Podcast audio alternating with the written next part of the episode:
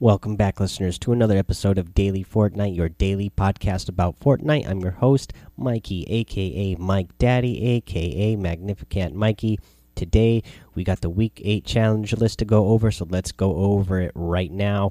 Uh, to start out, uh, the one that is available for free to everybody is Place Traps. You got to place 10 of those. You need to search chests in Wailing Woods, get 7 of those, and you need to get shotgun eliminations. You need to get 4 of them.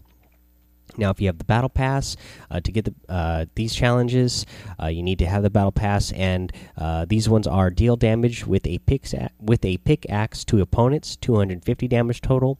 Use a rift at different rift spawn locations. You need to hit 10 different locations in total.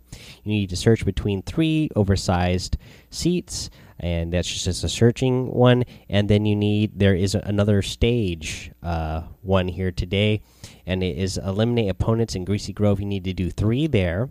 Then stage two is going to be eliminate opponents in lonely lodge and then stage three will be eliminate opponents in fatal fields so that's our week eight challenge list.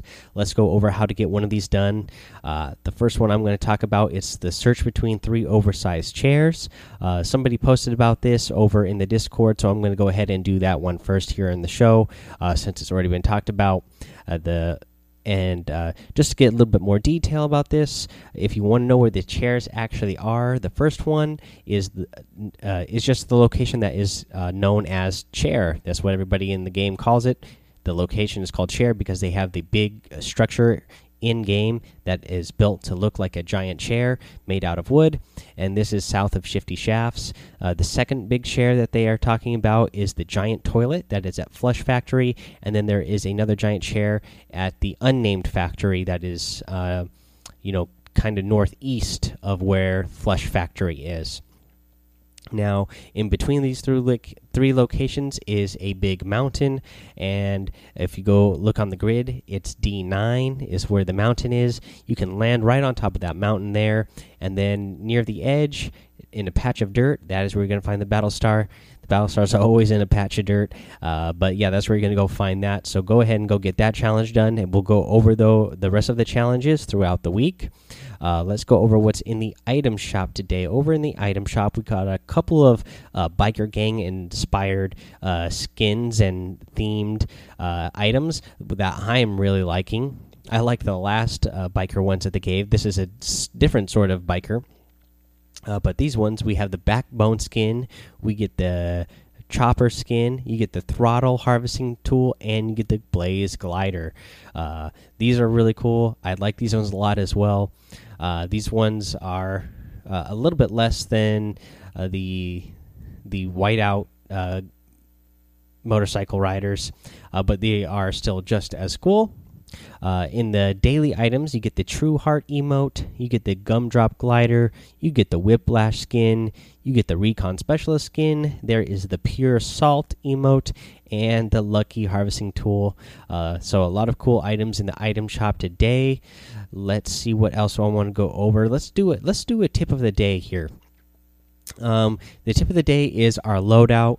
Uh, you know the meta has been changing a little bit recently, and we actually have you know the after this last uh, most recent update to the game, we have a new option available to us to uh, arrange our items. Uh, so let's go over again. I haven't talked about this maybe since the beginning when I first started this podcast, but there is a certain structure. Uh, or a certain way that I like to have my weapon slots uh, set up and I'd like to have them that set up that way consistently. That way, I can always, you know, I always have a better feel of where my guns are going to be, and I don't have to remember every match. Like, okay, my shotgun's in slot two, or the next match, oh, I have my shotgun in slot five, or whatever weapon it is that you need to get to in a certain situation. You can always know I that you have your stuff set up uh, the way you want it to be when you have a moment to rearrange things. Uh, let's see here. So in slot one, I always like my AR. In slot one, that has never changed for me. Uh, that's the preferred place I like to put my AR. In slot two, that's where I like to have my drum gun or some sort of SM uh, SMG. Uh, let's see here in slot three. That's where I like to have my shotgun, uh, and I like having my SMG and shotgun right next to each other because that is a good combo. You can go, you know, you can uh, hit a shotgun shot on somebody and then switch over back to your uh, drum gun or SMG right after that, and that is a good combo in the game right now. Uh, so I like to have those right next to each other slot four. In slot four i'm always going to have uh, that's where i'm going to put my explosives snipers or extra healables if i'm carrying two uh, different healables. Uh, explosives you can you know they can be anything like you know rocket launchers grenade launchers. It can be you know your grenades clingers uh, stink bombs any any of that stuff. Um, again if you have if you're good with a sniper if you have a sniper and you would prefer that over your explosives then you can put your sniper there as well. And then again extra healables if you're you know especially if you are playing uh, you know duos or squads and you have been like you're being dedicated the guy that's carrying uh, the the healable stuff now, slot five, this is where I definitely always have, if I have healables, I always have my healables in slot five. And with the new, with the latest update, again, this is great that they added the option in there to whenever you pick up a healable, it's going to go all the way to the right, the most, uh, the open slot farthest to the right. I love that. That's a big help for me. That's one less thing I have to organize. Again, I'm hoping one day that they will uh, let you do your customized uh, loadout. That way, you can always map say, you know, I have no weapons at all, and I the first gun I pick up is a shotgun. That it would automatically put it in a slot three for me, which was where I like my shotguns. It'd be cool if we can all have uh, a custom uh, loadout uh, map. That would be cool if they add that in for us in the future. Uh, that's just a little hope and wish for me, Fortnite. So if you guys are listening, uh, that would be something great to work on. Um, let's see here. What else I want to talk about? Uh, last thing I want to talk about really is PAX West. It starts tomorrow. Again, if you are attending and you have a badge, you can go to 8th and Pine at the Yakima, um, uh, the Yakima Conference Center over there, and uh, go to the uh, Fortnite uh, table that they have set up there, and you can get registered. It starts at 8 a.m. You're probably going to want to be in line pretty early uh, because you know it's it's potentially a big prize that you can win if you make it all the way to the grand finals on Monday. Uh, but anybody who's going to PAX West, uh, I hope you guys have a lot of fun.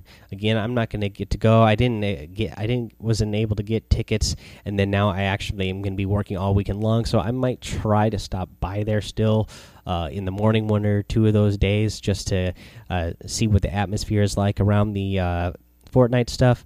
But at this point, it looks like I might not even get to attend at all. So, those of you who do, I hope you have a lot of fun. And if you get into the tournament, I wish you a lot of luck. Um, and yeah, again, main thing, uh, you know, have fun while you're while you're there.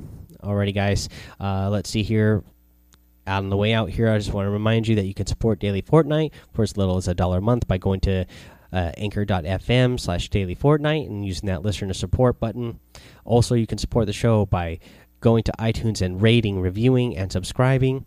Again, you leave that five star rating and a written review, and you will get shouted out here on the show. Uh, you can go over to uh, Discord and join our Discord server. Again, uh, a lot of good conversations over there, uh, just good times over there, hanging out with uh, all of you guys and uh, chatting it up with you guys. Same thing with my Twitch.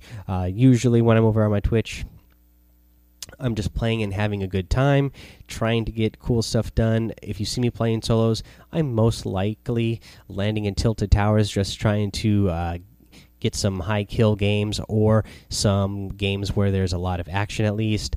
Or I've been going over to tomato to Tomato Temple a lot lately because that's a popular area where a lot of people have been dropping and uh, been getting a lot of good fun action in that new new point of interest as well.